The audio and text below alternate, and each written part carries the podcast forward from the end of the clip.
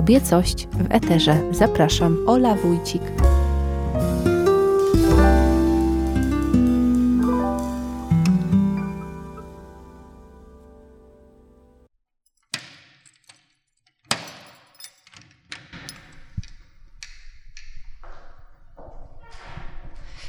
Weszłam właśnie do Muzeum Historii Katowic na wystawę Odczarować czarownicę. W dniu, kiedy wystawa nie jest czynna i my w pustym muzeum dzisiaj będziemy wspólnie czarować, jest ze mną jedna z kuratorek wystawy, pani Magdalena Toboła-Felix. Dzień dobry.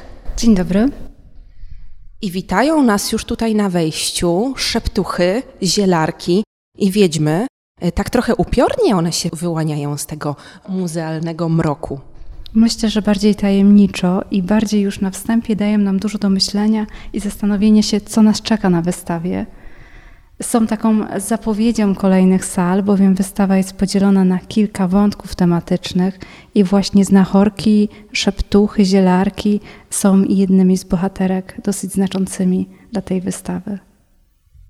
No dobrze, to chyba idziemy dalej. Odkąd weszłam, to czuję niesamowity zapach, taki znajomy. Trochę tak pachniało na strychu moich dziadków. Co to za zapach? Ten zapach to efekt ziół, które zdołałyśmy zgromadzić na wystawie. Panie to same suszyły? Tak, powstała tutaj taka olbrzymia ściana w całości wykonana z ziół. Są to zioła, które zbierałam ja razem z drugą kuratorką wystawy, panią Agnieszką, ale zbierali je też inni pracownicy muzeum, nasi znajomi, przyjaciele i te zioła później suszyły się na muzealnym strychu przez blisko dwa lata. Tak jak u tych moich dziadków. To dwa lata panie to planowały? Tak, sama wystawa powstawała około dwóch lat i my przez ten cały czas przygotowywałyśmy się dosyć mocno. To oczywiście nie było tylko zbieranie ziół, ale także opracowywanie dosyć bogatego materiału, zarówno materiału zastanego, jak i źródeł archiwalnych, więc tak naprawdę e, był to ogrom pracy, który przed nami stanął. No i pandemia z jednej strony trochę nam przeszkodziła, bo wpłynęła na to, że wystawa została przesunięta, bo miała odbyć się już w zeszłym roku, a z drugiej strony paradoksalnie trochę nam pomogła, bo właśnie wydłużyła ten cały czas przygotowań, zarówno tych takich fizycznych, czyli to zbieranie ziół chociażby, poszukiwanie eksponatów, jak i tych takich związanych z pracą intelektualną nad wystawą, opracowywanie merytoryczne tego materiału i podjęcie decyzji, co ostatecznie na wystawie się znajdzie, a co niestety nie będzie mogło tu być pokazane ze względu na to, że przestrzeń jest ograniczona i ten zasób wiedzy, którą możemy przekazać przez wystawę, no też w pewien sposób jest zamknięty. Więc tutaj dokonywałyśmy pewnej rewizji tego, które treści ostatecznie będą pokazane, o których opowiemy, a które pojawią się tylko i wyłącznie w publikacji bądź podczas oprowadzeń kuratorskich i wtedy już będziemy dzielić się swoimi doświadczeniami i tą dodatkową wiedzą. A jest jakiś eksponat, który ze szczególnym żalem musiała Pani stąd pożegnać, który nie wszedł w skład wystawy, nie zmieścił się tutaj? Tak naprawdę wszystkie te eksponaty, na których najbardziej nam zależało, są tutaj. Natomiast przywiozłyśmy faktycznie z Muzeum Okręgowego w Nysie żerandol. Cudowny i miałyśmy nadzieję, że on stworzy nam tutaj klimat i uda się go zawiesić. Natomiast finalnie okazało się, że niestety nie ma takiej technicznej możliwości i ten żerandol został w magazynie niestety. No właśnie patrzę w górę, mamy takie normalne oświetlenie. To zobaczymy, czy panią namówię, żeby pójść do tego magazynu, ale na razie podejdźmy do tej ściany z ziół, bo ja jako wnuczka zielarki, zielarzy i córka, to po prostu muszę, muszę. A mogę dotknąć? Tak, oczywiście. To jest taka bardzo sensoryczna część naszej wystawy, bo przede wszystkim zapach, ale też obcowanie z tymi ziołami dosyć blisko. Starałyśmy się, żeby to były takie zioła, które faktycznie znajdują odzwierciedlenie w tych opisach dotyczących rzekomych czarownic, które pojawiają się w protokołach procesów oczary. Więc mamy tutaj i dziewannę. Moja babcia mówiła, że na gardło jest dobra dziewanna, ale widzę też... Lawenda, jemioła. No pojawia się tu bardzo dużo takich ziół, które znamy, które gdzieś tam z dzieciństwa pamiętamy, bo jeszcze wtedy rosło. Wroty czy też widzę? Tak, tak. No to były te zioła. Wrzos. Jedynym takim wyjątkiem od y, tych ziół, które powinny się tutaj pojawić jest niestety nawłoć. Nawłoć kanadyjska w tamtych czasach nie występowała w Polsce. Funkcjonowała nawłoć, ale zwyczajna, natomiast dziś bardzo trudno ją znaleźć ze względu na to, że ta kanadyjska odmiana wyparła nasze rodzime. Ale to jest ta, o której chyba Niemen śpiewał, że mimozami jesień się zaczyna. nieprawidłowo tytułując to zioło mimozą. Tak, tak. Te zioła były suszone w różnych porach, w różnym natężeniu światła i tak dalej, więc one też, mimo że to są te same gatunki, czasami różnią się odcieniami. No wygląda to przepięknie, ja jestem oczarowana. Pachnie mi to dzieciństwem. Jeszcze, że można dotknąć, to w ogóle ekstra, bo zwykle w muzeach stoi taka pani, która mówi nie dotykać i jakiś alarm się odzywa, a tutaj można sobie... O, proszę bardzo.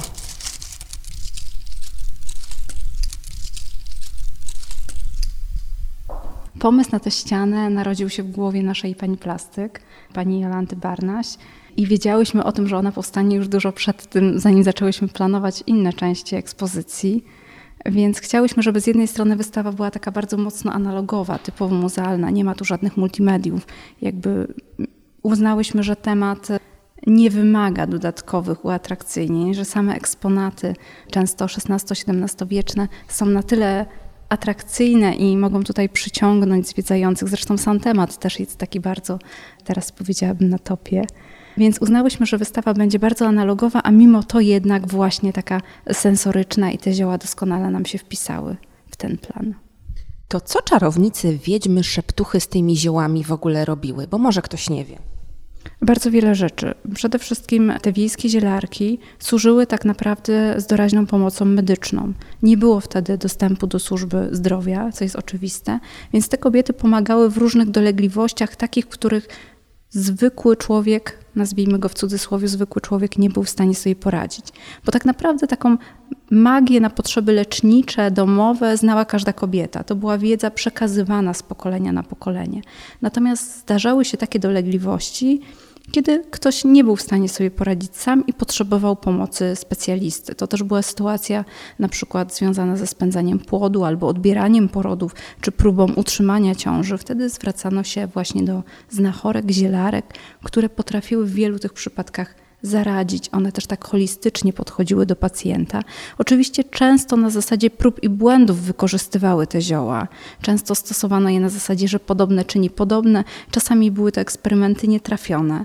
I właśnie... Podobne czyni podobne to tak, że jakaś część ciała wygląda jak dane zioło na przykład? Na przykład tak, na przykład coś ma sercowaty kształt, więc prawdopodobnie pomoże nam na jakieś dolegliwości sercowe, tak? Na tej zasadzie. Tak jak orzechy, które przypominają nam mózg, dobrze nam robią na tę część naszego jestestwa. Tak więc one były bardzo potrzebne w tym środowisku. One cieszyły się też pewnym uznaniem, estymą, natomiast z drugiej strony w pewien sposób budziły też respekt i lęk, bo zdarzały się te sytuacje, kiedy ich kuracja mogła okazać się nieskuteczna tak, kiedy nie zdołały kogoś wyleczyć i to już narażało je na pewne oskarżenia, że zrobiły to celowo, że intencjonalnie szkodziły innym, że nie był to przypadek. Poza tym w momencie, kiedy zdarzały się epidemie, a wiemy, że one miały w tamtym czasie dosyć często się pojawiały, pojawiały się też wojny, panował głód, więc te kobiety jakby stawały się takim pierwszym celem podejrzeń. One łatwo przeradzały się w kozła ofiarnego. Ludzie sobie próbowali racjonalizować nieszczęścia, które ich spotykają. No tak, bo ludzie żyją w sposób bardzo prosty, podporządkowany porom roku, jak rozumiem i jak pamiętam nawet z chłopów są często niepiśmienni, nie mają żadnych źródeł wiedzy, nie mają internetu, nie mogą wygooglować dolegliwości, która im doskwiera, więc raz, że spada choroba na człowieka, to jest czary mary. Ktoś nam ją potrafi wyleczyć kolejne czary mary, a jak nie potrafił, to może zrobił to celowo. Tak, to wtedy też było czary mary, tylko tak zwane maleficja, czyli czary szkodliwe, tak, oczywiście zadawane celowo. Faktycznie ci ludzie, często niepiśmienni, często ograniczeni do obserwacji przyrody, próbowali sobie w ten sposób odpowiadać na podstawowe pytania. No i nagle pojawia się też religia chrześcijańska. I ten motyw, że skoro dzieje się nam coś złego, to znaczy, że Bóg nas karze tak, że w jakiś sposób na to zasłużyliśmy, że to kara za grzechy. No to przecież nawet takie podejście było do Hioba, że on sobie musiał mocno nagrabić, jesteśmy w świecie biblijnym, no to spadło na niego cierpienie. A z tego co pamiętam, wydźwięk tej księgi jest taki, że cierpienie zupełnie nie ma związku z tym, jakimi ludźmi jesteśmy. E, tak, dokładnie tak. Natomiast to, co płynęło z ambony, to było dla ludzi jedyną objawioną prawdą. Więc jeżeli ksiądz mówił w kościele, że te czarownice sprowadzają na nas nieurodzaj, klęski i choroby, no to ludzie w pewnym momencie zaczynali faktycznie bać się tych rzekomych czarownic. Do tego też musimy mieć świadomość, że mimo, że oni teoretycznie byli ochrzczeni i wdrażani w ten rytuał Kościoła katolickiego, to jednak cały czas tkwili gdzieś głęboko w tych praktykach pogańskich swoich przodków. I tak na wszelki wypadek też odprawiali różne rytuały, dzisiaj je nazwiemy magiczne, no żeby zapewnić sobie właśnie dobrostan, urodzaj, zdrowie. No i to wszystko funkcjonowało na jednej płaszczyźnie, znaczy to, co działo się rzeczywiście realnie i to, co było takim wyimaginowanym na poziomie e, tym magicznym, to dla nich było tak samo realne tak naprawdę. Dla nich nie było rozgraniczenia między tym, co dzieje się gdzieś tam tylko w ich świadomości, wyobraźni, a tym, co dzieje się rzeczywiście. I to też powodowało, no, że te czarownice faktycznie były realne, tak? I że oni musieli jakoś sobie racjonalizować te nieszczęścia, które ich spotykają. Więc znalezienie tego kozła ofiarnego no, dawało pewien upust ich emocji, niepokojom, może też jakiejś agresji, rozżaleniu, zawiści i oczyszczali niejako swoje najbliższe lokalne środowisko, tak? Pozbywali się czarownicy, pozbywali się problemu, a tym samym pozbywali się ryzyka, że ten grzech, który dotykał czarownicę, bo przecież czarostwo było grzechem, nie było tylko przestępstwem kryminalnym, ale było też grzechem, to jakby było synonimiczne i równoważne. Więc pozbywając się tego przestępcy, grzesznika, nie narażają się na to, że kolejne osoby z tej lokalnej społeczności zostaną zarażone tym grzechem. Tylko kto wtedy ma wyleczyć choroby ciała, a nie rzadko i ducha? No tak, to wiązało się z tym, że często faktycznie eliminowano te zielarki wiejskie. One były niejako predestynowane przez to, czym się zajmowały, podobnie jak akuszerki. No ale zawsze znajdował się ktoś inny, tak? Była też cała grupa takich lekarzy wiejskich, czy też zielarek, którzy przemieszczali się od wsi do wsi i leczyli za drobną opłatą, czy to w naturze, czy, czy jakąś opłatą pieniężną. Więc tak naprawdę ten ktoś znajdował zawsze swojego następcę, przy czym ten następca też był narażony na to, że w którymś momencie mogą go spotkać oskarżenia o to, że uprawia magię, tą czarną magię, że jest czarownicą. No w przypadku mężczyzn to nazwanie czarownicy jest trudniejsze, bo tak naprawdę nie istnieje w naszym języku taki męski odpowiednik. Czarownik? Tak, nasuwa nam się jakoś tak od razu konotacja, że czarownik. Natomiast e, tak naprawdę czarownik to była osoba, która była znacznie wyżej w hierarchii. On był utożsamiany z magiem, alchemikiem, kimś, kto praktykuje tą magię wyższego rzędu, kimś, kto pojawiał się na dworach szlacheckich, magnackich, królewskich tak? I on przepowiadał głównie przyszłość, zajmował się nekromancją, zajmował się właśnie alchemią. Natomiast czarownica zajmowała się tymi czarami takiego niższego rzędu, tymi faktycznie maleficjami, które celowo, intencjonalnie miały szkodzić, bo przecież ona była oblubienicą diabła, tak? No właśnie, kontakty z siłami nieczystymi, sabaty, orgie seksualne. Tak, ten temat też poruszamy na naszej wystawie. Wychodzimy niejako od tych wiejskich zielarek, znachorek, akuszerek, położnych i przechodzimy dalej do pokazania tych wszystkich wierzeń, które wpływały na stopniowe kształtowanie się tak zwanego mitu czarownicy. I tam faktycznie w pewnym momencie pojawia się pakt z diabłem. Co więcej, nie tylko samo zawarcie pewnego aktu z diabłem, ale również zgoda czarownicy na stosunki seksualne z diabłem, co było bardzo istotne. I od tego momentu faktycznie na gruncie polskim ale też na gruncie tutaj naszym lokalnym śląskim, kształtuje się ten mit sabatu, na którym orgie seksualne stają się jednym z elementów. Tak one wieńczą niejako ten sabat. Więc czarownice spotykają się ze swoim mistrzem, szatanem, oddają mu cześć, informują o tym, co złego udało im się zrobić, pobierają od niego jakieś instrukcje, ucztują razem, tańczą, a potem dochodzi właśnie do tej orgii seksualnej, która niejako zamyka całe to spotkanie. Jednym słowem, bajki, którymi straszono, a może i straszy się dzieci. No tak, no czarownice pojawiają się, wszyscy dobrze pamiętamy, zarówno w baśniach, bajkach, podaniach, legendach, w mitologii, tak i jakby te wszystkie wierzenia, no one na siebie wpływają. Czarownica nie wzięła się znikąd. Tak naprawdę ona została ukształtowana na bazie mitologii greckiej, rzymskiej, nordyckiej, też trochę żydowskiej, tak, bo pojawia się nam chociażby postać Lilith, która miała być pierwszą żoną Adama, a potem konkubiną samego szatana, więc no, te czarownice, one mają jakieś swoje drugie dno, powiedzmy. Tak samo było z Dianą, która była uważana za tą orędowniczkę czarownic i ich przywódczynię że miała przemierzać z nimi nocne niebo na dzikich zwierzętach. No te wszystkie wątki zostały niejako przyswojone przez teologów katolickich, trochę przerobione na ich własną modłę i później opisywane w licznych traktatach, bulach papieskich, gdzie faktycznie informowano ludzi o tym, jak czarownice są niebezpieczne. Z drugiej strony powiedziała Pani o takiej równoległości, symultaniczności pewnych rzeczy, że pewne tradycje, pewne zwyczaje przystosowywano do tradycji chrześcijańskiej. Ja jestem polonistką i mi tu cały czas wyskakują lektury. No przecież w dziadach mamy wywoływanie duchów. Ale nie trzeba daleko szukać. W XX wieku u mnie w Warszawie był taki ksiądz Jan Sztuka, który był księdzem katolickim, ale do mojej babci przychodził z wahadełkiem i to wahadełko też mu coś podpowiadało, więc może z jednej strony czarownice i czary były tępione, a z drugiej strony ich wiedza była nie do przecenienia i niektórzy duchowni również potrafili z tej wiedzy korzystać. Tak jakby to był taki temat, który dotyczył ogółu społeczeństwa, niezależnie na warstwę społeczną, na hierarchię zajmowaną w stratyfikacji społecznej. Każdy tak naprawdę miał coś do czynienia z tymi tak zwanymi czarami. I my dzisiaj też tak naprawdę mamy z nimi do czynienia, bo to są chociażby te przysłowiowe czerwone wstążeczki, które zawiązujemy dzieciom, tak, żeby nikt nie rzucił uroku.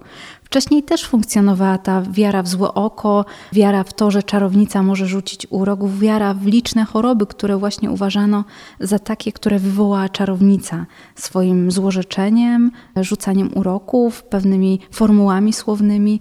No i przed tym też próbowano się chronić, niejako tak stosując pewne magiczne środki, bo to były i zioła, i rośliny, i na przykład medaliki, w które zawinięty był kawałek e, papieru, na którym zapisywane jakieś fragmenty Pisma Świętego, to oczywiście przygotowywali księża, no bo zwykli wieśniacy byli właśnie analfabetami, tak, byli niepiśmienni, nie potrafili tego nawet przeczytać. No oczywiście też handel tego typu rzeczami, przedmiotami był nielegalny, natomiast to był to doskonały środek na to, żeby się wzbogacić i praktykowano go. Tak samo kaci sprzedawali różne części ciała, na przykład wisielców, no właśnie, taką informację znalazłam na wystawie, bo ja muszę zdradzić, że już raz tutaj byłam, że ręka trupa miała cudowne właściwości magiczne i tam w ogóle nawet świeczki w nią wkładano. Tak, funkcjonowała tak zwana hand glory, czyli ręka chwały. To była ręka wisielca, ponieważ powszechnie wierzono, że każdy człowiek jest obdarzony pewną ilością szczęścia, którą dysponuje w całości swojego życia. I te osoby, które zmarły przed wczesną, tragiczną śmiercią w wyniku właśnie wykonania na nich kary śmierci, nie zdążyły spożytkować całego swojego szczęścia, a więc ono nadal tam jest. Stąd też poszczególne części ciała wisielca, głównie palce, dłonie, czasami głowy, które często na przykład wrzucano do kadzi z piwem, żeby to się lepiej ważyło. Smacznego. Tak, i znajdujemy często w protokołach, zeznaniach tych domniemanych czarownic faktycznie informację, że podczas przeszukania ta głowa wisielca się znajdowała właśnie w tym miejscu. Stąd też często oskarżenia o czary dotykały karczmarek.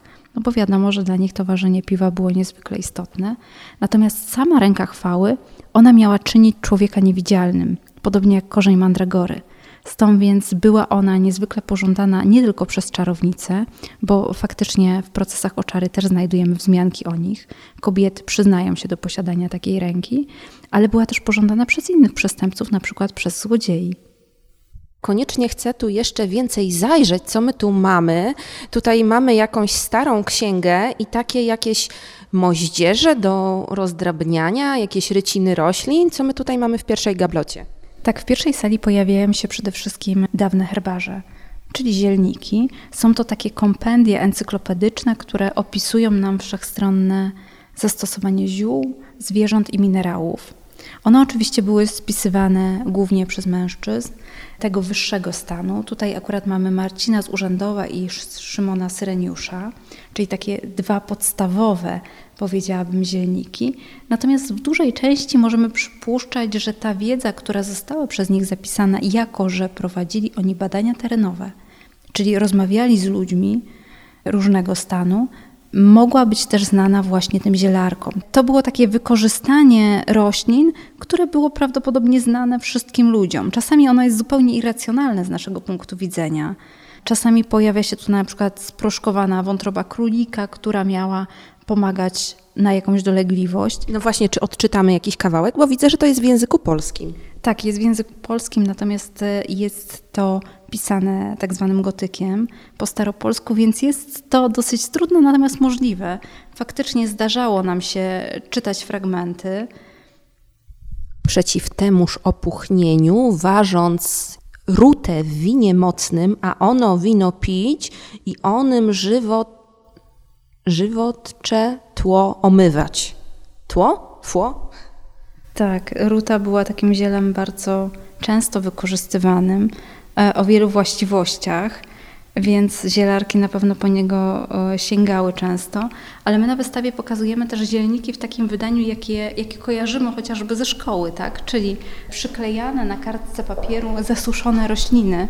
I tutaj też nie bez powodu pokazujemy zarówno napartnicę purpurową, jak i E, pokrzyk wilczą jagodę, czyli atropę belladonne, to są dwa z tych ziół, które były uważane za tak zwane ziela czarownic, czyli bardzo chętnie wykorzystywane przez czarownice właśnie do tych czarów szkodliwych, ale też do tak zwanej maści czarownic. Często mówi się o takiej maści, którą domniemane czarownice miały smarować miotły, miały smarować też określone części ciała, na przykład przeguby rąk, e, nadgarstki, pachy, okolice intymne i miały dzięki temu latać. A no właśnie, słyszałam, że to latanie to miało charakter bardziej jakiegoś odlotu psychicznego niż fizycznego przy pomocy tej maści. Tak, no sądząc po składzie i po roślinach, e, które w większości były halucynogenne, możemy przypuszczać, że tak, to raczej był taki odlot e, bardziej przenośnym tego słowa znaczeniu, taki bardziej psychiczny. Natomiast e, oczywiście do tej maści też zdaniem teologów dodawano różnego rodzaju takie rzeczy, które bardzo negatywnie konotowano, czyli na przykład tłuszcz z niechrzczonych dzieci, wątrobę wisielca, krew nietoperza, krew menstruacyjną. Oczywiście te środki z całą pewnością nie miały żadnego wpływu na działanie tej maści, jeżeli takie maści faktycznie powstawały i były używane przez te kobiety, bo to też stoi pod olbrzymim znakiem zapytania. My o nich czytamy, ale czytamy o nich głównie w zeznaniach kobiet, które przecież były torturowane. Więc to sędziowie, osoby przepytujące, zadające te pytania, mogły im nasunąć skład tych maści, a one tylko potwierdzały bo jakby tortury były właśnie po to, żeby przyznać się do pewnych rzeczy i tak naprawdę trudno było być na tyle wytrzymałym fizycznie, żeby zaprzeczyć. I dwa, spotykamy się z opisami tych maści czarownic w pismach teologicznych. Osób, które badały czarownice, które rzekomo miały z nimi styczność, natomiast nie wiemy na ile są to prawdziwe opisy, a na ile ich jakieś imaginacje, które zostały uwiecznione, a potem powielane. E, co prawda było kilku etnografów XIX-wiecznych, którzy próbowali odtworzyć skład maści czarownic i opisywali swoje doświadczenia właśnie jako taki zapis z badań. E, no zdarzało się często, że to się kończyło śmiercią, bo przedawkowali z określonymi substancjami. Natomiast my dalej nie mamy stuprocentowej gwarancji i trudno nam mówić, czy te kobiety i na ile stosowały tego typu substancje. Natomiast w tamtym czasie na pewno te maści, jeżeli były stosowane, dosyć łatwo przenikały do ciała, no bo naskórek był jakby podrażniony, uszkodzony, one ciężko fizycznie pracowały, tak? Więc te jakieś zadrapania, rany na pewno pomagały, żeby te środki działały dużo intensywniej. No i w końcu mówi się też o tym, że na sabat czarownica nie musiała udawać się fizycznie, a mogła udać się tam jedynie w swojej postaci astralnej czyli duchowo. Wystarczyło, że przewróciła się na lewy bok, bo lewy, lewa strona była tą stroną przyporządkowaną szatanowi. Więc To na którym boku pani śpi? Nie będę tego zdradzać. Natomiast tak, muszę powiedzieć w takiej naszej tutaj szczerej rozmowie, że faktycznie przygotowując tą wystawę, odkryłam sobie kilka cech czarownicy. Na przykład? No na przykład czarownice ze względu na to, że wierzono, że potrafią latać właśnie, musiały mieć swoją określoną wagę. I tak, łapie się w wadze czarownic. Czyli ile to jest maksymalnie? Nie, nie pytam o pani wagę, tylko wagę czarownic. To jest maksymalnie do 49,4 kg. Na przykład, tak. No, czarownice też jakby sądzono na przykład, że czarownice mają zielone oczy. Pani ma takie zielono-niebieskie. Tak, tak, więc tak powiedzmy, że na granicy. Oczywiście czarownica posiadała też to tak zwane znamie diabła, czyli taki znak, który szatan nadawał jej podczas jej pierwszego sabatu swoim pazurem. I to znamie diabła to mogła być brodawka, pieprzyk, jakaś blizna, tego typu rzecz. Więc tak naprawdę każda z kobiet nawet współcześnie mogłaby być posądzona o bycie czarownicą właśnie na podstawie takich oględzin. I no ja takie znamiona diabła pewnie też posiadam. Więc no jest kilka takich wątków, które mogłyby sugerować, że jesteśmy czarownicami i które na pewno w wiekach, w których te procesy oczary były tak prężną machiną, doprowadziłyby nas na stos. A propos tej maści czarownic, to muszę coś przeczytać, tylko pójdę po telefon. Ja pamiętam taką bajkę, którą mi mama czytała w dzieciństwie. To była bajka o królewnie Śnieżce w takiej cienkiej, ilustrowanej książeczce i tam pojawia się postać okrutnej wiedźmy, która przecież poczęstuje zatrutym jabłkiem i ten wierszyk jakoś do dziś mi został w głowie, a brzmi on tak. Jak czaruje czarownica, to jest wielka tajemnica. Weźmie kłębek pajęczyny, trzy kropelki smoczej śliny, sproszkowane cztery muchy, szczurzy ogon, krew ropuchy, język sowy, dziób puszczyka, trawę z grobu nieboszczyka. Wszystko zmiesza, zagotuje, piękne jabłko zaczaruje. Potem kogoś nim otruje, coś tam, coś tam i po latach znalazłam to na jakimś forum dyskusyjnym, ta książeczka pewnie gdzieś jest, ale receptura nie jest do końca bajkowa, tylko właśnie taka podobna do tych przepisów, o których pani wspominała. Tak. To jest dosyć zaskakujące, bo wydaje nam się taka bajkowa mocna. Natomiast jeżeli czytamy się w te zeznania czarownic, opisy procesów, to właśnie tego typu specyfiki znajdujemy w tych różnych preparatach. To często są sproszkowane pająki, muchomory, właśnie jakaś ślina smoka, chociaż no wiadomo, smoki są takie bardzo mityczne i bajkowe, natomiast w określonym czasie wierzono także w ich istnienie, tak? Wierzono w elfy, krasnoludy, które też mogły być dziećmi związku szatana i czarownicy, bo krasnoludki mają taką bardzo negatywną konotację. W demonologii wielu regionów uważane są właśnie za istoty demoniczne. Czyli czarownice mogły w jedzeniu i piciu zadawać jakiemuś człowiekowi tak zwane malce, w naszym rozumieniu krasnoludki. I one są nawet opisane w niektórych aktach procesowych jako małe ludziki w czerwonych czapeczkach, które wchodzą do środka człowieka i powoli wyjadają jego wnętrzności, aż ten całkowicie wyschnie. Ciekawe, czy wiedziała o tym Maria Konopnicka, pisząc o krasnoludkach i sierotce Marysi. Zarówno te postaci właśnie krasnoludków, elfów, jak i samej czarownicy, one potem zmieniały się. I dzisiaj w naszej kulturze popularnej czarownica już jest postrzegana zupełnie inaczej. Stąd też ten tytuł naszej wystawy Odczarować czarownicę, żeby jakby odejść od tych popkulturowych przekazów i spróbować zwrócić uwagę na kobiety, z takiej bardziej ludzkiej perspektywy, ponieważ my nie jesteśmy historyczkami, a etnolożkami, etnografkami i chciałyśmy podejść do tego z takiego antropologicznego punktu widzenia, mimo że tutaj musiałyśmy odnieść się do źródeł faktograficznych i pojawiają się także akty procesowe, stare ryciny, druki itd., tak no to przede wszystkim próbujemy jakby dociec, co było głównym powodem tego, że ta olbrzymia machina procesowa została uruchomiona, że stało się coś takiego, że ludzie zaczęli wierzyć w czarownice, zaczęli się ich autentycznie bać. Co więcej, te kobiety same czasami wierzyły, że są czarownicami. Tak jakby dały się, całe społeczności dały się wmanewrować w to wierzenie. Ono funkcjonowało przez bardzo długi czas, zresztą nawet współcześnie zdarzają się także procesy oczary. Naprawdę? Tak, około początek lat 2000 to chyba był, zdarzył się taki proces w Polsce zresztą, gdzie sąsiad oskarżył swoją sąsiadkę o to, że ona zaczarowała krowę i ta krowa nie daje mleka. Czyli ten taki najbardziej wydawało się podstawowy powód oskarżeń czarownic, tak właśnie czary mleczne, odbieranie mleka krowom. Jak zakończył się proces? Proces chyba zakończył się uniewinnieniem kobiety, natomiast sam fakt, że on zaistniał, zupełnie współcześnie. Wydaje się nam bardzo kuriozalny, prawda? I sądzę, że te wierzenia w czarownice, one bardzo długi czas funkcjonowały. Co prawda, my tutaj na wystawie pokazujemy taki medal, który został wydany na pamiątkę uchwały Sejmu Rzeczpospolitej w 1776 roku. On dotyczył ustawy powołanej w trybie nadzwyczajnym dotyczącej zakazu prowadzenia procesów oczary i wykonywania tortur w związku z tymi procesami. A mimo to jestem przekonana, że po tym roku 1776 nadal zdarzały się procesy. Wiemy na pewno o licznych samosądach, które wcześniej też na pewno miały miejsce.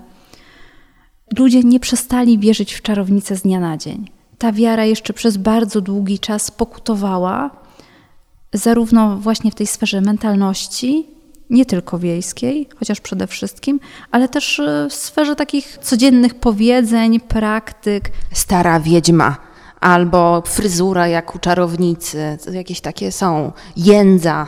Tak, dokładnie, takie wyzwiska właśnie ty czarownico. Natomiast w wieku XVI-XVII, kiedy procesy oczary były właśnie tak prężną, działającą machiną, tego typu oskarżenie ty czarownico rzucone publicznie, wystarczyło do tego, żeby wtrząść proces, żeby ten proces się rozpoczął, tak? Wystarczyło, że ktoś publicznie nazwał kobietę czarownicą. Dzisiaj no, bezkarnie trochę rzucamy tego typu obelgi, natomiast dalej zdarzają się oczywiście czasami żartobliwie, czasami bardziej poważnie e, takie sformułowania, że kobiety to czarownice i wiedźmy, tak? Albo sformułowanie właśnie skierowane do konkretnej kobiety, którą się wyzywa od jędzy, czarownicy. Powiedziała Pani o tym odczarowaniu czarownic, bo ten kult czarownic z jednej strony fajne, zabawne bajki z dzieciństwa, jakaś tajemnica pociągająca, intrygująca, z drugiej strony posługiwanie się tym terminem i tym mitem jest krzywdzące wobec kobiet, które miały naprawdę niebagatelną rolę dla tych wiejskich i prostych społeczności.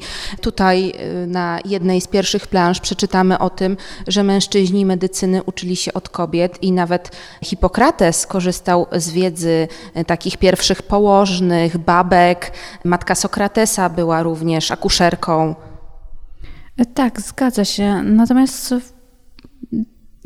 Zależało nam na tym, żeby na tej wystawie właśnie w taki sposób kompleksowy i bardzo ostrożny też podejść do czarownic, żeby je odczarować, odbedrzeć jakby z tego mitu, który funkcjonuje właśnie, który znamy z bajek, mitów, który znamy z filmów, komiksów. Tak, czarownice są wszędzie.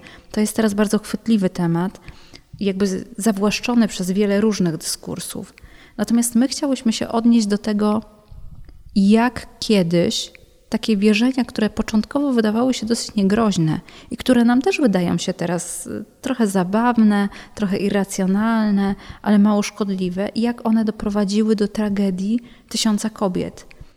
No właśnie, bo żartując sobie z tej czarownicy, my trochę profanujemy, bezcześcimy ich często niewinną ofiarę, no bo wyobrażam sobie, że jakakolwiek bitwa, wojna, jakakolwiek grupa etniczna czy narodowa, która została zgładzona, jeśli teraz zostałaby w mediach obśmiana, sportretowana w komiksie, w zabawnej rycinie, byłaby powodem wytoczenia właśnie jakiegoś procesu o zniesławienie tak dalej. Natomiast drwienie z czarownic uchodzi nam płazem, można powiedzieć. Tak, trochę zapominamy o tej tragedii. Znaczy, to jest myślę kwestia tego, że przez lata ona była właśnie oswajana w różnego rodzaju źródłach, tak? chociażby w tych bajkach dla dzieci. To oczywiście, no, jak wszystko ma swoje dobre i złe strony, natomiast e, trochę to właśnie pojawienie się czarownicy jako taki jeden z bohaterów popkultury współczesnej, różnych czasów, sprawiło, że ten temat został trochę zbagatelizowany, strywializowany, czy sprofanowany, to jest bardzo mocne słowo, natomiast w niektórych sytuacjach tak, faktycznie. Jakby oswoiliśmy sobie go na tyle, że łatwo jest nam mówić właśnie w taki lekki i przyjemny sposób, a czarownice płonęły na stosie, tak? Natomiast jak zaczniemy o tym myśleć trochę tak głębiej, nie tylko przez pryzmat tego wizerunku, który widzimy na przykład w filmach, no to spalenie kogoś na stosie tortury, które stosowano przy procesach oczary, no to jest potworność, prawda? To jest potworność dla tych kobiet, które to spotkały, ale także ich rodzin, bo to nie była sytuacja, która dotykała tylko tej kobiety, ona nie była oderwana od całego kontekstu funkcjonowania społecznego. Ona przecież miała dzieci, ona miała męża, ona miała sąsiadów. Na pewno miała też często ludzi, którzy ją lubili po prostu zwyczajnie, tak? którym trudno było uwierzyć, że ich żona, matka, przyjaciółka, babka jest czarownicą. A przecież też w dalszych salach czytamy o tym, że dziecko znajdujące się w łonie czarownicy, noworodek, już był z góry przeklęty przez swoją matkę, więc też można się go pozbyć. Tak, zdecydowanie tak. E, dzieci czarownic, szczególnie ich córki, bardzo często oskarżano o to, że odziedziczyły po swoich matkach to bycie czarownicą, ale co więcej, nawet jak wierzono i jak przekazywały średniowieczne penitencjały, poczęcie dziecka w czasie zakazanym były takie. Na przykład? Na przykład w czwartki, kiedy przypadały tajemnice chwalebne różańca. Wtedy nawet seks w małżeństwie był zły. Był niepożądany, e, był, był grzeszny, podobnie jak stosunki seksualne w niedzielę. Więc uznawano, że dzieci poczęte w te szczególne dni są już naznaczone jako właśnie istoty demoniczne, tudzież czarownice. Oczywiście bardzo trudno było ustalić, kiedy dokładnie nastąpiło poczęcie. To dzisiaj jest e, czasami trudne do ustalenia takiego precyzyjnego, a w tamtych czasach było wręcz niemożliwe. Natomiast e, możemy przypuszczać, że jeżeli dziecko urodziło się z jakąś niepełnosprawnością, z jakimś widocznym defektem fizycznym, no to zaczęto sobie w ten sposób próbować to racjonalizować, tak? czyli poszukiwać gdzieś tej winy. No i wtedy ktoś mógł z tej danej społeczności lokalnej rzucić takim pomysłem, że pewnie zostało poczęte z nieprawego łoża albo właśnie w tych dniach zakazanych i że jest demonem, czarownicą. Później te czarownice przeradzają nam się też w upiory, tak, w pewnym momencie. Strzygi i inne takie. Tak, w pewnym momencie, no, kiedy te procesy czarownic już zanikają, no jakby te wierzenia nie znikają, tak? Po prostu przejmują je kolejne wyobrażenia istot demonicznych i ten mit dalej ewoluuje. To co, idziemy dalej? Tak, zapraszam. To jest takie ciekawe, że wszystko przegadamy w tej pierwszej sali. No tutaj myślę, że Pani widziała, to jest e, interesujące, bo mamy tutaj korzeń mandragory. Prawdziwy? Tak, natomiast on jest podrzeźbiony w taki specjalny sposób. Korzenie mandragory mają kształt przypominający trochę człowieka, natomiast takiego bardziej zniekształconego. Ale on nie krzyczy, bo Mandragora w Harrym Potterze przy wyrywaniu z doniczki darła się niemiłosiernie. Tak, i wierzono, że ta rzeczywista Mandragora też się tak niemiłosiernie darła. Stąd też polski odpowiednik Mandragory, jakim był pokrzyk Wilcza Jagoda, staropolski pokrzyk to krzyczeć, więc jakby w naturalny sposób właśnie na tę roślinę te wszystkie wierzenia związane z mandragorą zostały przetransponowane. I tutaj mamy drugi zielnik, Szymona Sreniusza, który został właśnie otwarty na tej stronie pokazującej wyrywanie mandragory. Wierzono, że jest ją bardzo trudno wydobyć z ziemi, bo właśnie dlatego, że przypomina małego człowieczka, ona się rusza, a do tego też właśnie niemiłosiernie krzyczy i może sprowadzić, samo jej dotknięcie może sprowadzić na osobę wyrywającą śmierć. Stąd też do wyrywania tej rośliny używano zazwyczaj psa do którego przywiązywano powróz, drugą część przywiązywano właśnie do górnej części rośliny i ten pies biegnąc, on był płoszony jakimiś odgłosami, tak? Biegnąc wyrywał tę roślinę, a tym samym cała złość i zemsta rośliny za wyrwanie spadała na tego psa, on się stawał ofiarą, czyli najprawdopodobniej poświęcał swoje życie, a wtedy już bezpiecznie można było mandragorę dotykać i wykorzystywać do różnych celów. Oczywiście uważano, że te najcenniejsze rosną pod e, szubienicą, wyrastają ze spermy lub uryny wisielca, to był taki bardzo popularny motyw. Mogły też rosnąć na mogiłach zbrodniarzy.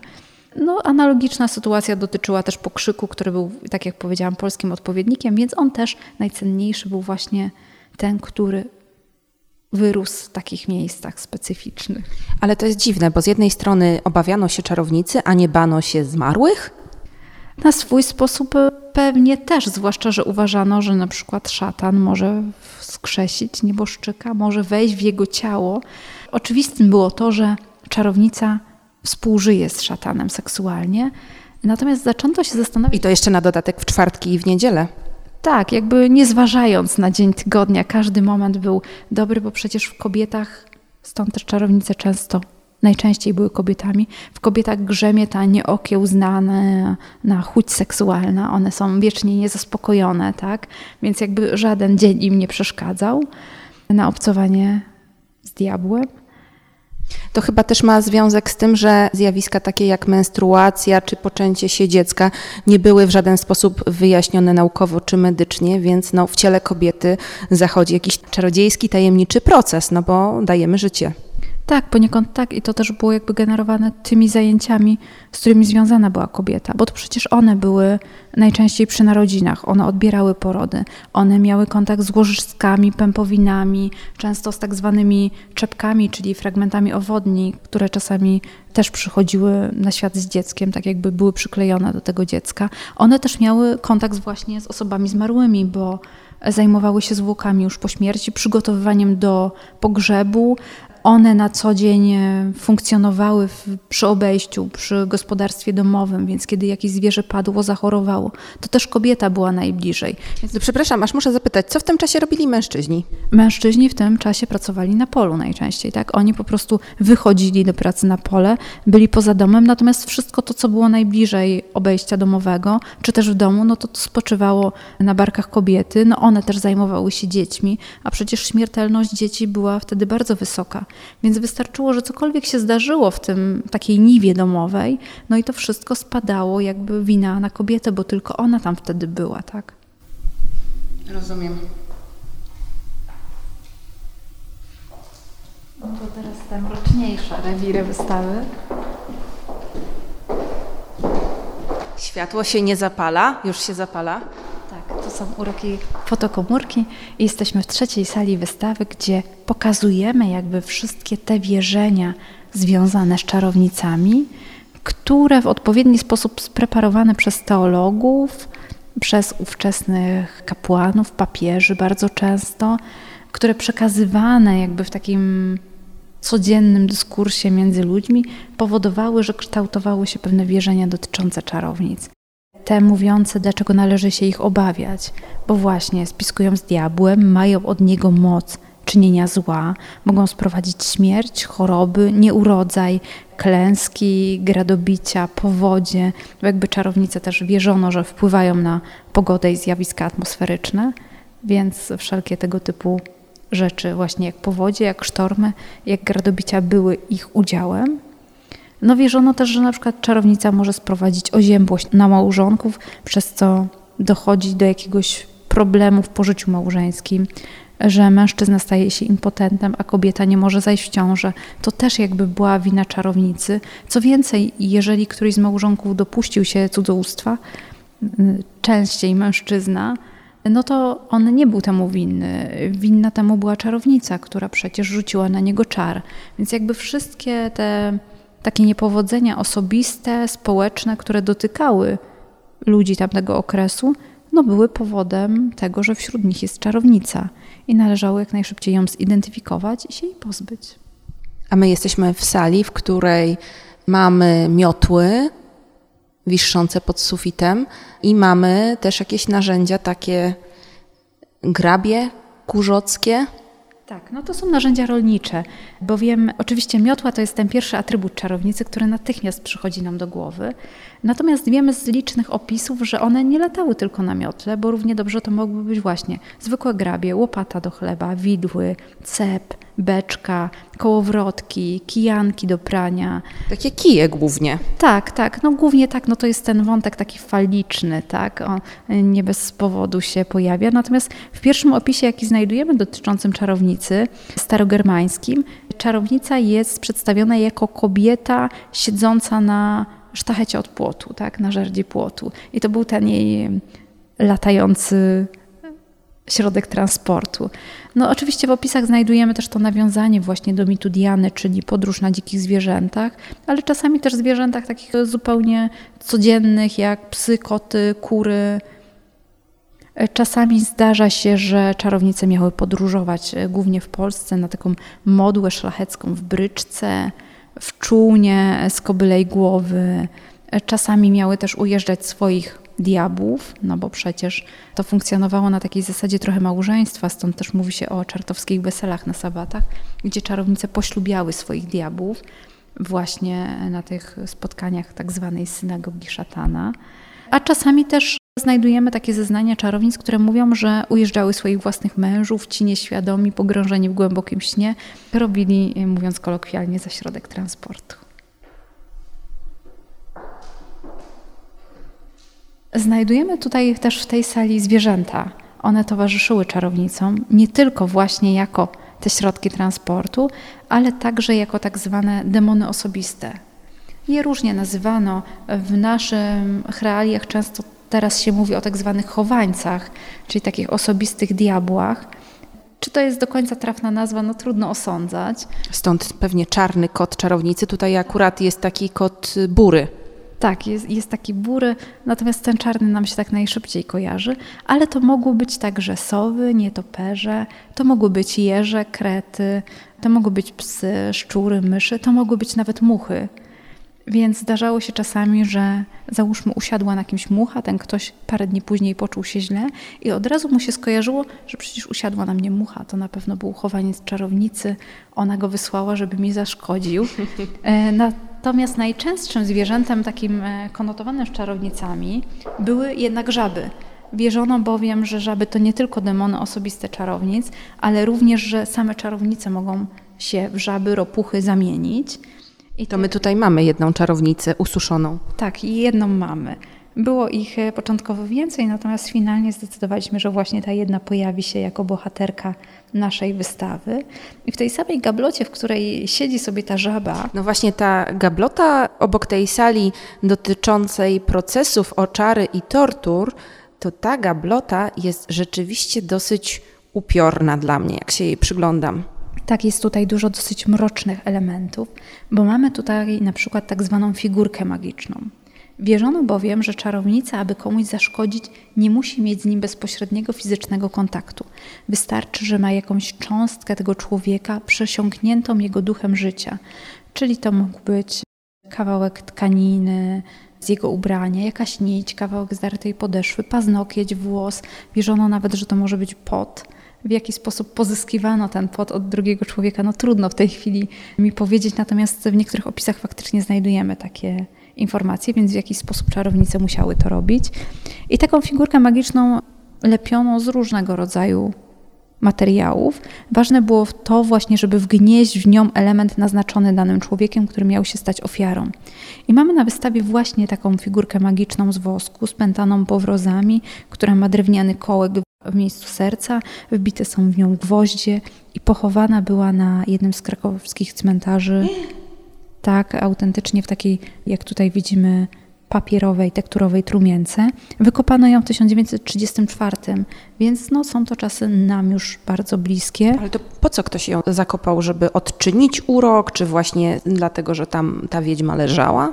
Nie, zdecydowanie ktoś ją zakopał, niekoniecznie czuł się wiedźmą, natomiast gdzieś kultywował te, te same tradycje. Ktoś ją zakopał, żeby komuś zaszkodzić zabić go po prostu intencjonalnie, bo zakopanie takiej figurki tylko to mogło oznaczać. Oczywiście można było jej wykręcać ręce, nogi, co groziło jakimś połamaniem i tego typu objawami, natomiast często właśnie je zakopywano bądź palono, co miało doprowadzić wprost do śmierci. To trochę jak laleczki wudu. Troszkę tak i tutaj mamy też takiego ludzika, który jest naturalny zupełnie z kawałka gałęzi.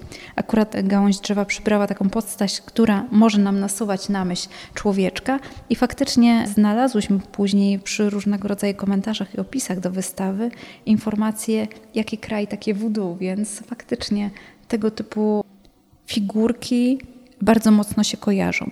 Ale w tej gablocie mamy też taki pozytywny aspekt, bo poza tą figurką magiczną znajdują się też również inne figurki, które też wyglądają dosyć strasznie, też mają wbite gwoździe w miejscu oczu. Natomiast są to tak zwane pomsty. Staropolska pomsta, czyli zemsta, odwet, to były figurki, które były preparowane przez ludzi, którzy albo czuli się oczarowani przez czarownicę w tym takim negatywnym oczywiście znaczeniu, czyli że czarownica rzuciła na nich urok, albo też chcieli przeciwdziałać temu. I oni przygotowywali figurki, które niejako personifikowały samą czarownicę i też na takiej samej zasadzie próbowali zadać jej ból i cierpienie. W takim sensie pozytywne, że zadawali to figurce, a nie kobiecie, tak? Tak, znaczy w takim sensie pozytywne, że to były takie środki apotropeiczne, czyli chroniące przed złem. Jeżeli faktycznie uwierzymy w to, że czarownica oznacza wszystko to, co najgorsze i personifikuje to zło, no to pomsta miała je odgonić, tak? Miała być takim środkiem zapobiegawczym.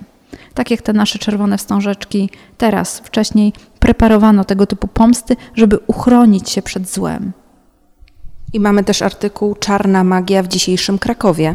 Tak, jest to artykuł, który właśnie dotyczy e, tej szczególnej figurki, który pojawił się w lokalnej prasie właśnie. Tej figurki z cmentarza. Tak, tej figurki z cmentarza. To jest dokładnie jej historia opisana. A z drugiej strony tej gabloty mamy też między innymi biały kwarc. Jest to taki minerał, który uważano, że może zatrzymać szkodliwe działanie czarownicy. I na przykład w Górach Opawskich, jeżeli wybieraliby się Państwo na biskupią kopę, e, tam jest grób czarownicy. Jest taka symboliczna mogiła, krzyż zrobiony z kawałków gałęzi i właśnie ta mogiła jest e, zakryta jakby białym kwarcem, który miał uniemożliwić wyjście czarownicy na zewnątrz. Tutaj też jest taki motyw właśnie związany później z upiorami, tak? Ze strzygami, że mogą wyjść z grobu i dalej szkodzić. Tak, bo w Bieszczadach z kolei tam jest mowa o tych biesach, czadach i wampirach i o tym, że nieboszczyk po śmierci przez kilka dni potrafi chodzić po wsi. Tak, tak. Ten motyw jest dosyć żywotny w różnych tradycjach lokalnych. I, I, faktycznie pojawia się stąd też tak zwane groby antywampiryczne, które często też były. Pojawiało się takie pytanie, czy to jest na pewno grób wampira, czy też czarownicy, która mogłaby wyjść, tak, jakieś strzygi i tak dalej. No, no tutaj te wątki są takie bardzo popularne. One wymagają oczywiście dalszej takiej diagnozy badawczej, żeby doprecyzować, chociaż czasami nie będziemy w stanie odpowiedzieć na pytanie, i skonkretyzować, czy kobieta, której na przykład odrąbano głowę i włożono ją między nogi, czy była czarownicą, czy też była wampirem. Tak? Te pochówki no mniej więcej w ten sposób przebiegały. I kołek też. Tak, dokonywano takich makabrycznych rzeczy. No, głównie już po śmierci czasami wykopywano tego nieboszczyka i dopiero później robiono tego typu rzeczy, właśnie po to, żeby się chronić, żeby on nie mógł wychodzić i nie mógł dalej szkodzić. Czyli przed epoką gier komputerowych, filmów science fiction i książek ludzie sami serwowali sobie takie mocne wrażenia, tylko niestety często też krzywdząc inne osoby, a nawet zwierzęta. Trochę tak. To są, myślę, takie wątki, które dzisiaj moglibyśmy znaleźć w popularnych grach i, i dzisiaj uznalibyśmy je za takie mocno makabryczne i skrzywiające psychikę młodych osób.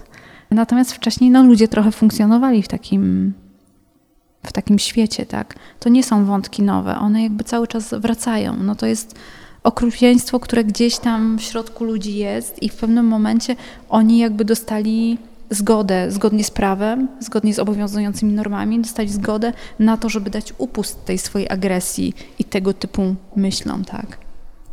Wchodzimy do kolejnej sali, czwartej, gdzie poruszamy już temat samego powołania, jak to się stawało, że proces oczary rozpoczynał się. I tutaj też mamy osławiony Młot na czarownicę w polskim przekładzie Stanisława Ząbkowica. Dzieło książkowe, popularne? Tak, bardzo popularne, uważane wręcz za taką Biblię inkwizytorów, też nie bez powodu, bo e, liczba wydań tego konkretnego dzieła była tak duża, że przez bardzo długi czas zajmował on drugie miejsce po Biblii pod względem wysokości nakładu wydawniczego. Oczywiście przekład w wielu językach, ten nasz polski to 1614 rok, wydany w Krakowie. Ząbkowic przetłumaczył dwie pierwsze części Młota na czarownicę. Czyli... No i co to w ogóle jest? To jest taki traktat teologiczny, który przedstawia nam w miarę jasnym, pełnym zarysie cały ten mit czarownicy, o którym ciągle mówimy.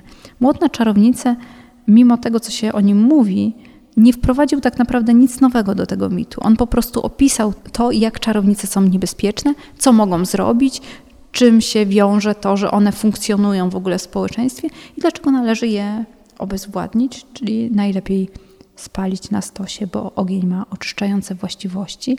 Natomiast to palenie na stosie, no to też nie do końca było tak, ponieważ szacuje się, że bardzo duża część oskarżonych o czary tak naprawdę była skazywana na inne kary. Na początku w średniowieczu, czyli tym okresie, który jeszcze wciąż stereotypowo chyba kojarzony jest z procesami oczary, bo zacofane średniowiecze. Natomiast w średniowieczu głównie stosowano kary pokuty za stosowanie czarów.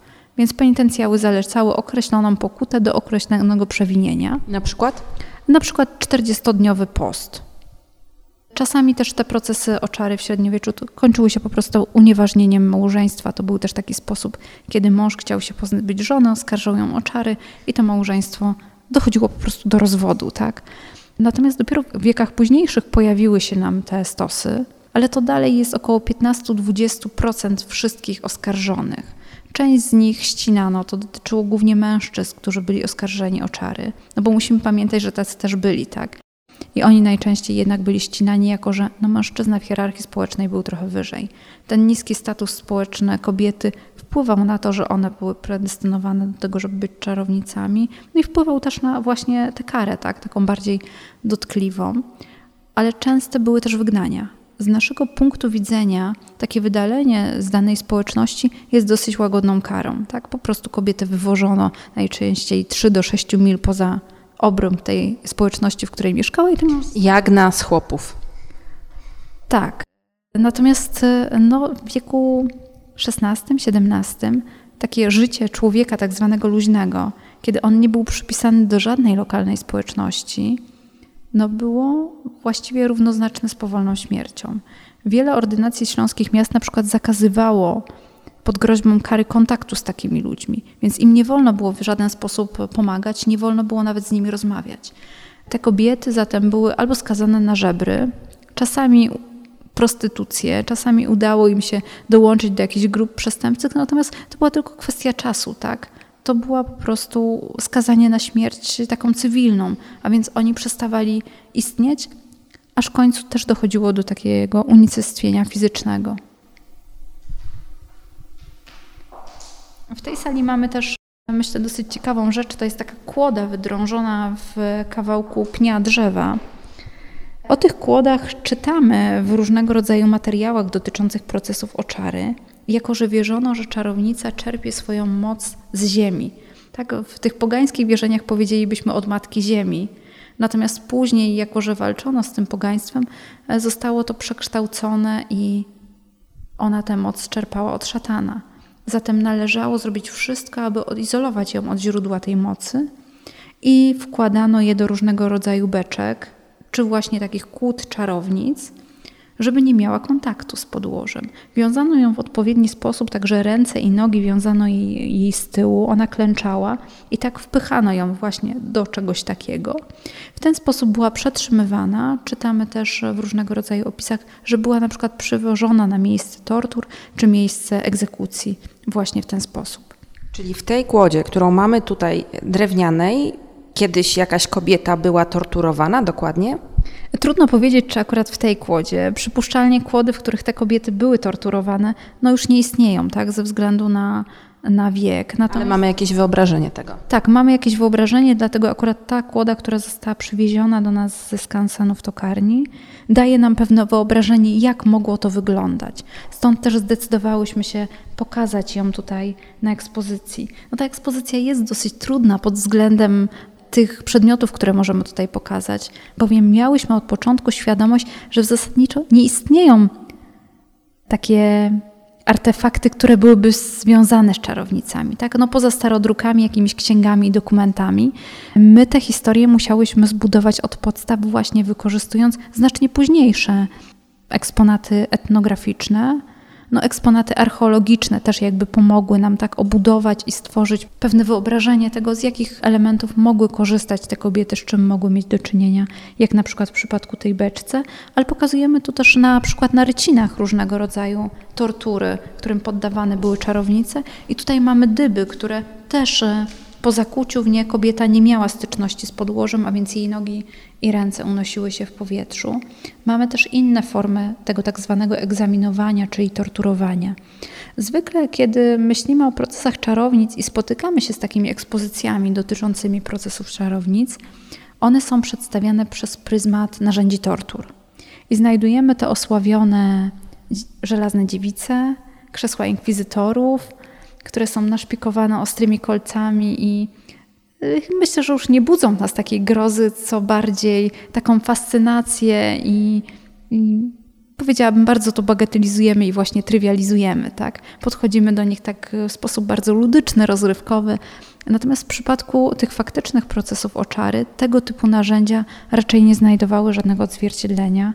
Chociażby dlatego, że żelazna dziewica, jej opis po raz pierwszy pojawia się E, w przewodniku turystycznym po Norymberdze w wieku XIX. Ale ta żelazna dziewica to jest krzesło naszpikowane szpikulcami, tak? E, krzesło naszpikowane szpikulcami to jest e, tak zwane krzesło inkwizytora. Natomiast żelazna dziewica to jest rodzaj takiej trumny, sarkofagu na mumię bardziej, który w środku ma właśnie takie szpikulce, które po zamknięciu wbijały się e, w ciało tej kobiety. No takich rzeczy raczej nie wykorzystywano, natomiast tutaj, jak widzimy po tych rycinach, no to tortury i tak były okrutne, tak? To przede wszystkim było różnego rodzaju podwieszanie, a więc był jakiś hak, pod sufitem, bądź też y, wiązano liny na przykład na drzewie i tą kobietę podwieszano, tak? Nago na oczach wszystkich. Często nago, ponieważ wierzono, że właśnie przed tym, jak e, dokonywano tych tortur, należy się upewnić, czy ta kobieta na pewno jest czarownicą. Więc należy ją poddać tak zwanym próbom czarownic. No my je dzisiaj tak nazywamy. Więc to było albo pławienie, czyli wrzucanie jej do jakiegoś zbiornika wodnego i sprawdzanie, czy zacznie się topić, czy też wypłynie jeżeli była w stanie utrzymać się na wodzie, to oczywiście była czarownicą, bo woda jako żywioł czysty nie przyjmie złego. Czyli nie daj Boże było umieć pływać.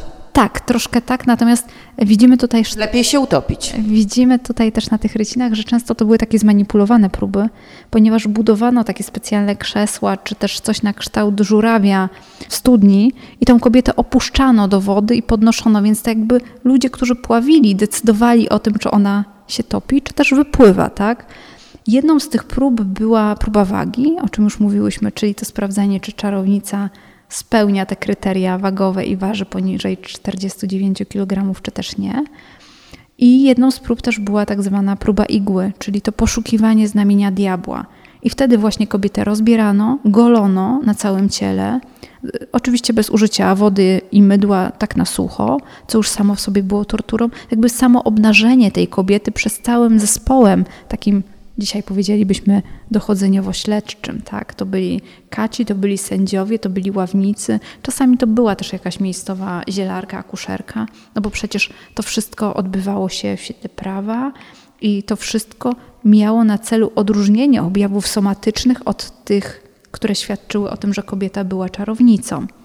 Zatem oglądano ją dokładnie, sprawdzano, czy właśnie jakiś znamie pieprzyk nie jest tym stygmatem diabła. No i potem już no najczęściej nagą kobietę albo odzianą jakieś tam skromne ubranie. Ale próba igły, bo igłą sprawdzano? Tak, były takie specjalne igły, którymi nakuwano te znamiona, czyli na przykład pieprzyki, brodawki i sprawdzono, czy popłynie z nich krew. Jeśli nie płynęła, to znaczyło, że jest to właśnie to znamie diabła. Też znajdujemy w różnych opisach ilustracje takiej specjalnej igły, strzykawki, może byśmy powiedzielibyśmy bardziej, która miała wsuwającą się igłę. Czyli w momencie dotknięcia tej brodawki ta igła wsuwała się do środka, tak jakby wbiła się w ciało kobiety, jednak nie robiła tego, tak? Tego typu narzędzia też miały istnieć. Czy istniały, czy jest to tylko wymysł, jakaś fantazja osób opisujących, to jest inna sprawa. Podobnie jak z krzyżem inkwizytora, który tutaj pokazujemy. Mamy replikę przygotowaną przez Muzeum Okręgowe w Nysie. To jest, e, to jest taki krzyż, z którego wysuwa nam się ostrze do zadania ciosu. Mówiło się o, o tak zwanym akcie łaski, tak, że kobietę zabijano przed tym, zanim spłonęła na stosie. No, Och, jak łaskawie. Tak, natomiast czy faktycznie tego typu krzyże funkcjonowały, czy one się pojawiły później, no to też jest cały czas zagadka. Zresztą no, Nysa była świadkiem licznych procesów w księstwie nyskim. One się odbywały, powstał nawet film na ten temat Grzegorza Kubaszko od powołania do spalenia. Natomiast pokutuje też taki mit mówiący o tym, że w Nysie miał istnieć czy miały być plany budowania pieca krematoryjnego, żeby jakby bardziej ekonomicznie podchodzić do stracenia czarownic, no bo samo konstruowanie stosu, jego budowa, no pochłaniało olbrzymie pieniądze, tak? Ktoś za to musiał zapłacić. Najczęściej rachunek wystawiano rodzinie czarownicy. My też taki rachunek przedstawiamy na naszej wystawie w ostatniej sali. Jest to rachunek wystawiony mężowi Katarzyny Niedzieliny, która w 1666 roku stanęła przed sądem ławniczo-wójtowskim w Bytomiu. I ona została skazana na stos. Natomiast to, czy y, spłonęła na tym stosie, pozostaje dla nas pytaniem bez odpowiedzi, bowiem nie mamy dokumentów, które jednoznacznie by o tym świadczyły. W tym rachunku pojawia się informacja odnośnie materiału drzewnego, za który przyszło zapłacić mężowi oskarżonej. Natomiast być może jest to materiał drzewny, który wykorzystywano w procesie, w tej próbie wody w pławieniu. Być może zbudowano tam właśnie jakieś takie krzesełko, coś na kształt codziennego żurawia, w czym spuszczano ją do wody, bowiem z tych akt wynika, że większość tego procesu toczyło się przy młynie na rozbarku, czyli bogate przedmieście dzisiaj Bytomia, tak? No dzisiaj jest to dzielnica Bytomia, więc być może było to tylko próba pławienia, zwłaszcza, że Niedzielina była na pewno dość majętna, bo czytamy w tych aktach, że jeden z jej sług, parobków, wiązał ją z tej próby wody. Więc... A jakie to były kwoty? Jak, do czego to możemy przyrównać dzisiaj?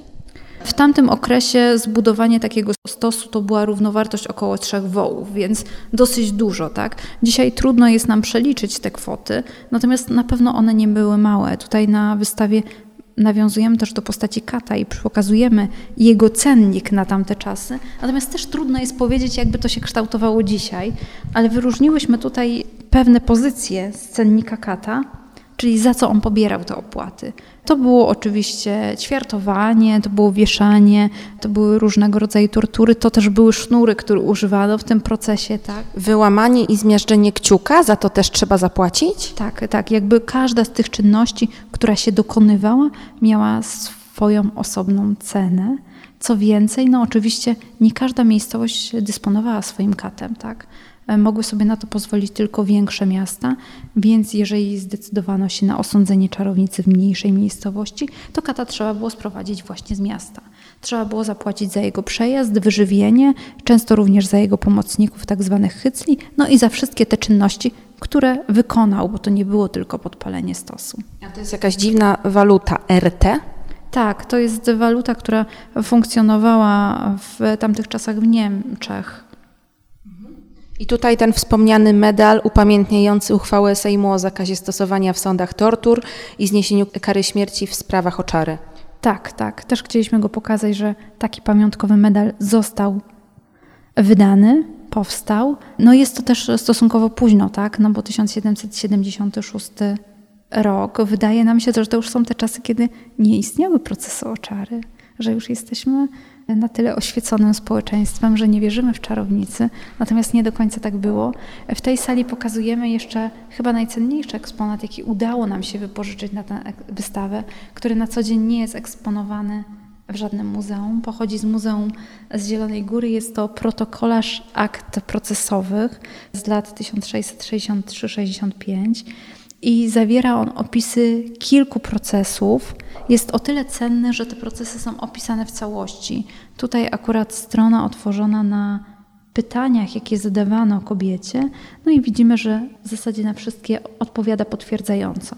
Ona nie musiała mówić tak, zrobiłam to. Wystarczyło, że skinęła głową, wystarczyła jakaś monosylaba. Te pytania też były formułowane dosyć tendencyjnie.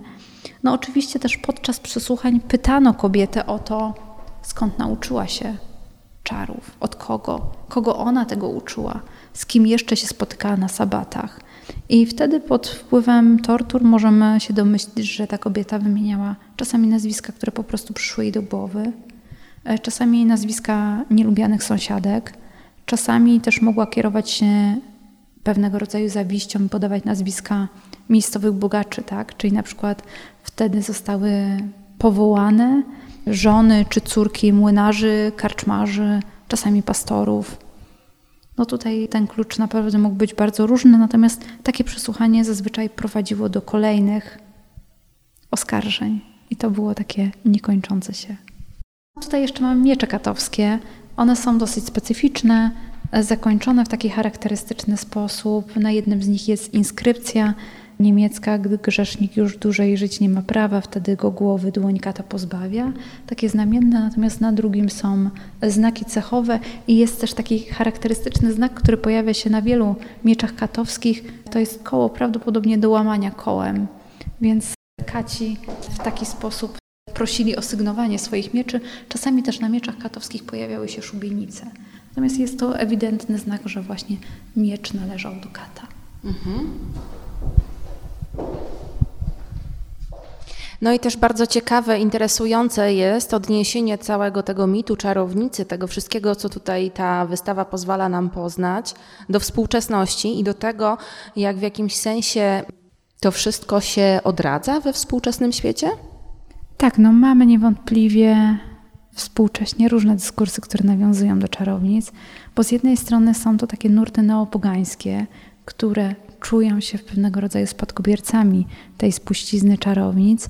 W drugiej strony też w takim nurcie mocno feministycznym odnajdujemy te wątki czarownic. No przecież są te koszulki, że jesteśmy wnuczkami tych czarownic, które nie dały się spalić na przykład. Tak, zgadza się, są różnego rodzaju tego typu rzeczy, natomiast Mam nadzieję, że jest to wszystko robione w taki sposób bardzo przemyślany. Znaczy, wydaje mi się, że bardzo istotne jest to, żeby zapoznać się z tą historią, żeby właśnie e, trochę niechcący też nie spłycić tego całego zagadnienia. Tak, bo cudownie, że kobiety walczą o siebie. Ta wystawa też pokazała, że to wciąż jest potrzebne, że dalej w niektórych e, kręgach kobiety uznawane są za te gorsze i, I to dalej ten pewien mit pokutuje. Natomiast wydaje mi się, że też same kobiety, które czują się w jakiś sposób spadkobierczyniami tego, co się wydarzyło, chociaż no jest to bardzo traumatyczna historia. Musimy o tym przede wszystkim pamiętać. Wydaje mi się, że podchodzić do tego z dużą ostrożnością, z dużym szacunkiem, faktycznie wdrożyć się w ten temat, a nie tylko bezmyślnie wykrzykiwać hasła. I mam nadzieję, że właśnie to się odbywa w ten sposób, żeby też niejako nie robić tego, co robi właśnie popkultura, żeby nie bagatelizować tego tematu i nie używać tylko tych haseł dlatego, że są chwytliwe i do czegoś nam pasują. My tutaj ten wątek współczesności poruszyłyśmy w takim bardzo okrojonym zakresie ponieważ mamy świadomość, że jakby no, wystawa, te sześć sal wystawowych nie jest w stanie pomieścić wszystkiego tego, co chcielibyśmy powiedzieć. I tak naprawdę można by stworzyć kolejne wystawy, które będą niejako poruszać nowe wątki, tak, które będą dopowiadać. Mogłaby powstać osobna ekspozycja dotycząca właśnie współczesnych nawiązań do tego mitu czarownicy, która mogłaby pokazać, jak Mit czarownicy kształtowany jest w sztuce wizualnej, chociażby w malarstwie, tak, w jakichś performansach. Przecież to się cały czas dzieje. Nasza wystawa nie jest jedyną wystawą, która dotknęła tego tematu. Cały czas pojawiają się wystawy, które w określonym stopniu nawiązują do czarownic. Więc jakby ta dyskusja cały czas trwa, ona na pewno będzie rozwijana też. Ale myślę sobie też, że gdyby odjąć te laleczki z gwoźdźmi, te tortury, a zostawić wątek znajomości ziół, maści, rytuałów. Bo tutaj też w którejś sal widziałam o, o tym, jak w domu dbano o to, żeby dobra energia była, tam było zakopywanie garnków z jedzeniem. Może nie aż takie praktyki, ale wydaje mi się, że to wszystko gdzieś jednak na nas wpływa i że jakieś dobre rzeczy z tego też można wziąć. Tak, zdecydowanie i to cieszy, że to na nas wpływa, że, że mamy w sobie taką potrzebę, żeby o tym nie zapomnieć, bo gdybyśmy tego nie kultywowali w żaden sposób, gdybyśmy się tym nie interesowali, to by zniknęło i nikt nie byłby w stanie tego odtworzyć, tak? A, a tak ze względu na to, że ta wiara gdzieś ciągle funkcjonowała na wsi i w pewnym momencie została zebrana przez etnografów, ze względu na to, że my teraz wracamy do korzeni, wracamy do różnych e, starych tekstów, chociażby do Hildegardy i próbujemy żyć w zgodzie z naturą, no to wszystko sprawia, że te wątki też e, mogą przetrwać.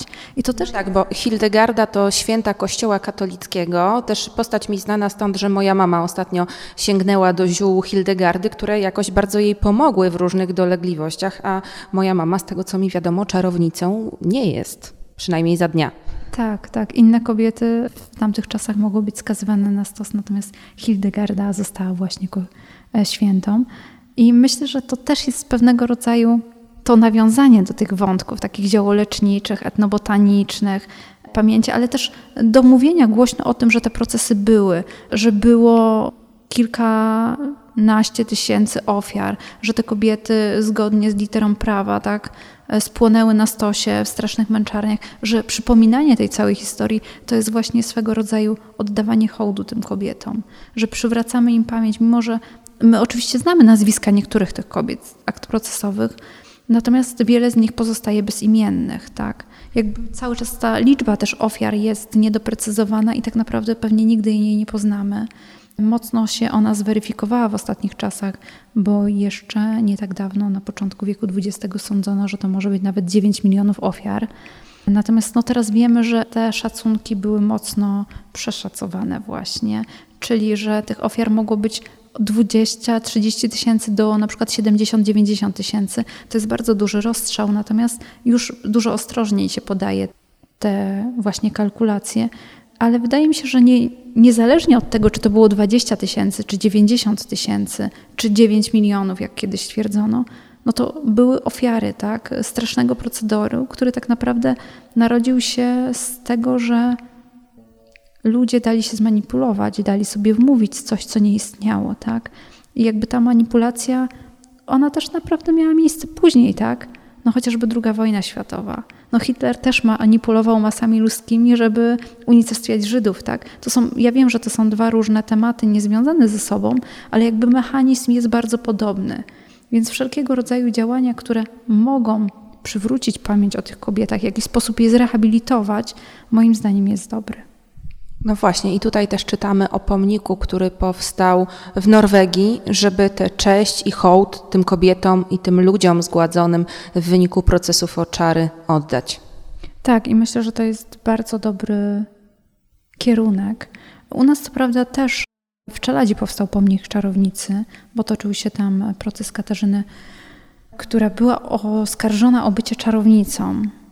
Natomiast osobiście mam mieszane uczucia co do tego pomnika, ponieważ kobieta ta już niestety po jej egzekucji została zrehabilitowana staraniem jej synów, więc no wiemy, że nie była czarownicą, a mimo to w wizji artysty, który stworzył ten pomnik, została przedstawiona tak bardzo stereotypowo, czyli właśnie na miotle. To z jednej strony cieszy, że, że gdzieś ją upamiętniono, natomiast z drugiej strony wiem, że jest też grupa ludzi myślących podobnie jak ja, która zastanawia się, czy to jest na pewno dobry kierunek tego upamiętnienia, tak? Czy nie lepszy byłby właśnie taki pomnik bardziej neutralny, jak ten, który powstał w Norwegii, który nie przedstawia stereotypowych kobiet na miotłach, czarownic, tylko ma w jakiś taki symboliczny sposób upamiętnić przecież zwykłych ludzi, tak? My wiemy, że to nie były czarownice.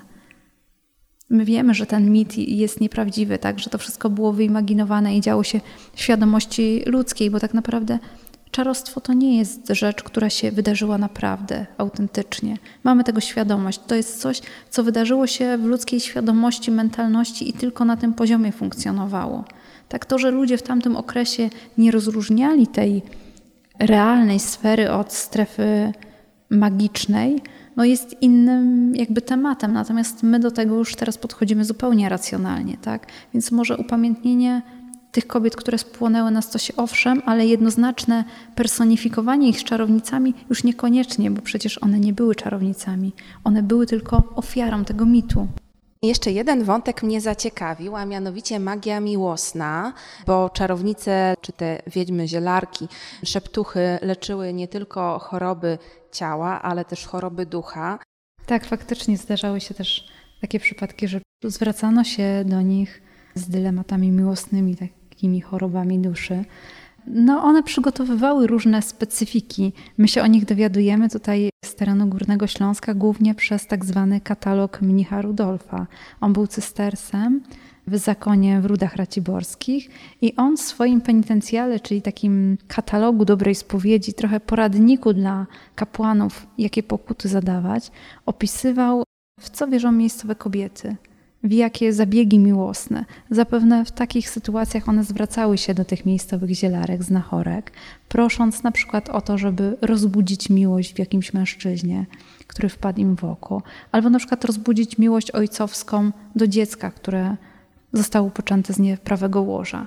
I wtedy wierzyły na przykład, że należy właśnie jakieś starte pająki, muchomory, innego rodzaju tego typu substancje, które no, wydają nam się automatycznie nasuwać, że zaszkodzą, czyli na przykład włosy, często też włosy łonowe, krew menstruacyjną. One mieszały i najczęściej podawały temu mężczyźnie w jedzeniu i piciu. Potem zdarzało się oczywiście, że on się rozchorował, poczuł się źle i oskarżał właśnie taką kobietę o czary. Ale musimy mieć na uwadze, że one prawdopodobnie nie czyniły tego w złych intencjach, znaczy jakby nie były świadome tego, że te spreparowane przez nie środki mogą zaszkodzić. Pewnie chciały dobrze.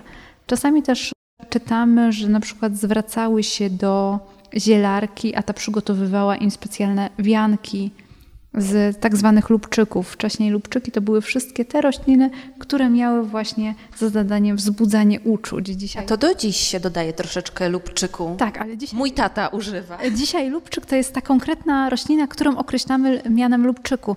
Natomiast wcześniej lubczyki to były wszystkie te rośliny, które właśnie miały swój udział w magii magii miłosnej, więc było ich znacznie więcej. To mógł być nagietek, to mógł być barwinek, to mógł być rumianek, to mogła być dziewanna, tak? I one wszystkie miały zbiorową nazwę lubczyków jako te, które wywołują uczucie lubienia, miłości. Lubow. Tak. No i oczywiście zwracano się do nich z takimi problemami, ale czasami też takimi poważniejszymi, czyli kiedy kobieta nie mogła zajść w ciążę, a bardzo chciała, zwracano się do tych zielarek, lub też e, w sytuacji, kiedy właśnie zaszła w ciążę, a niekoniecznie tego chciała. Jakieś echa tego przetrwały trochę może w naszych Andrzejkach, bo przecież tam jest mnóstwo wróżb miłosnych.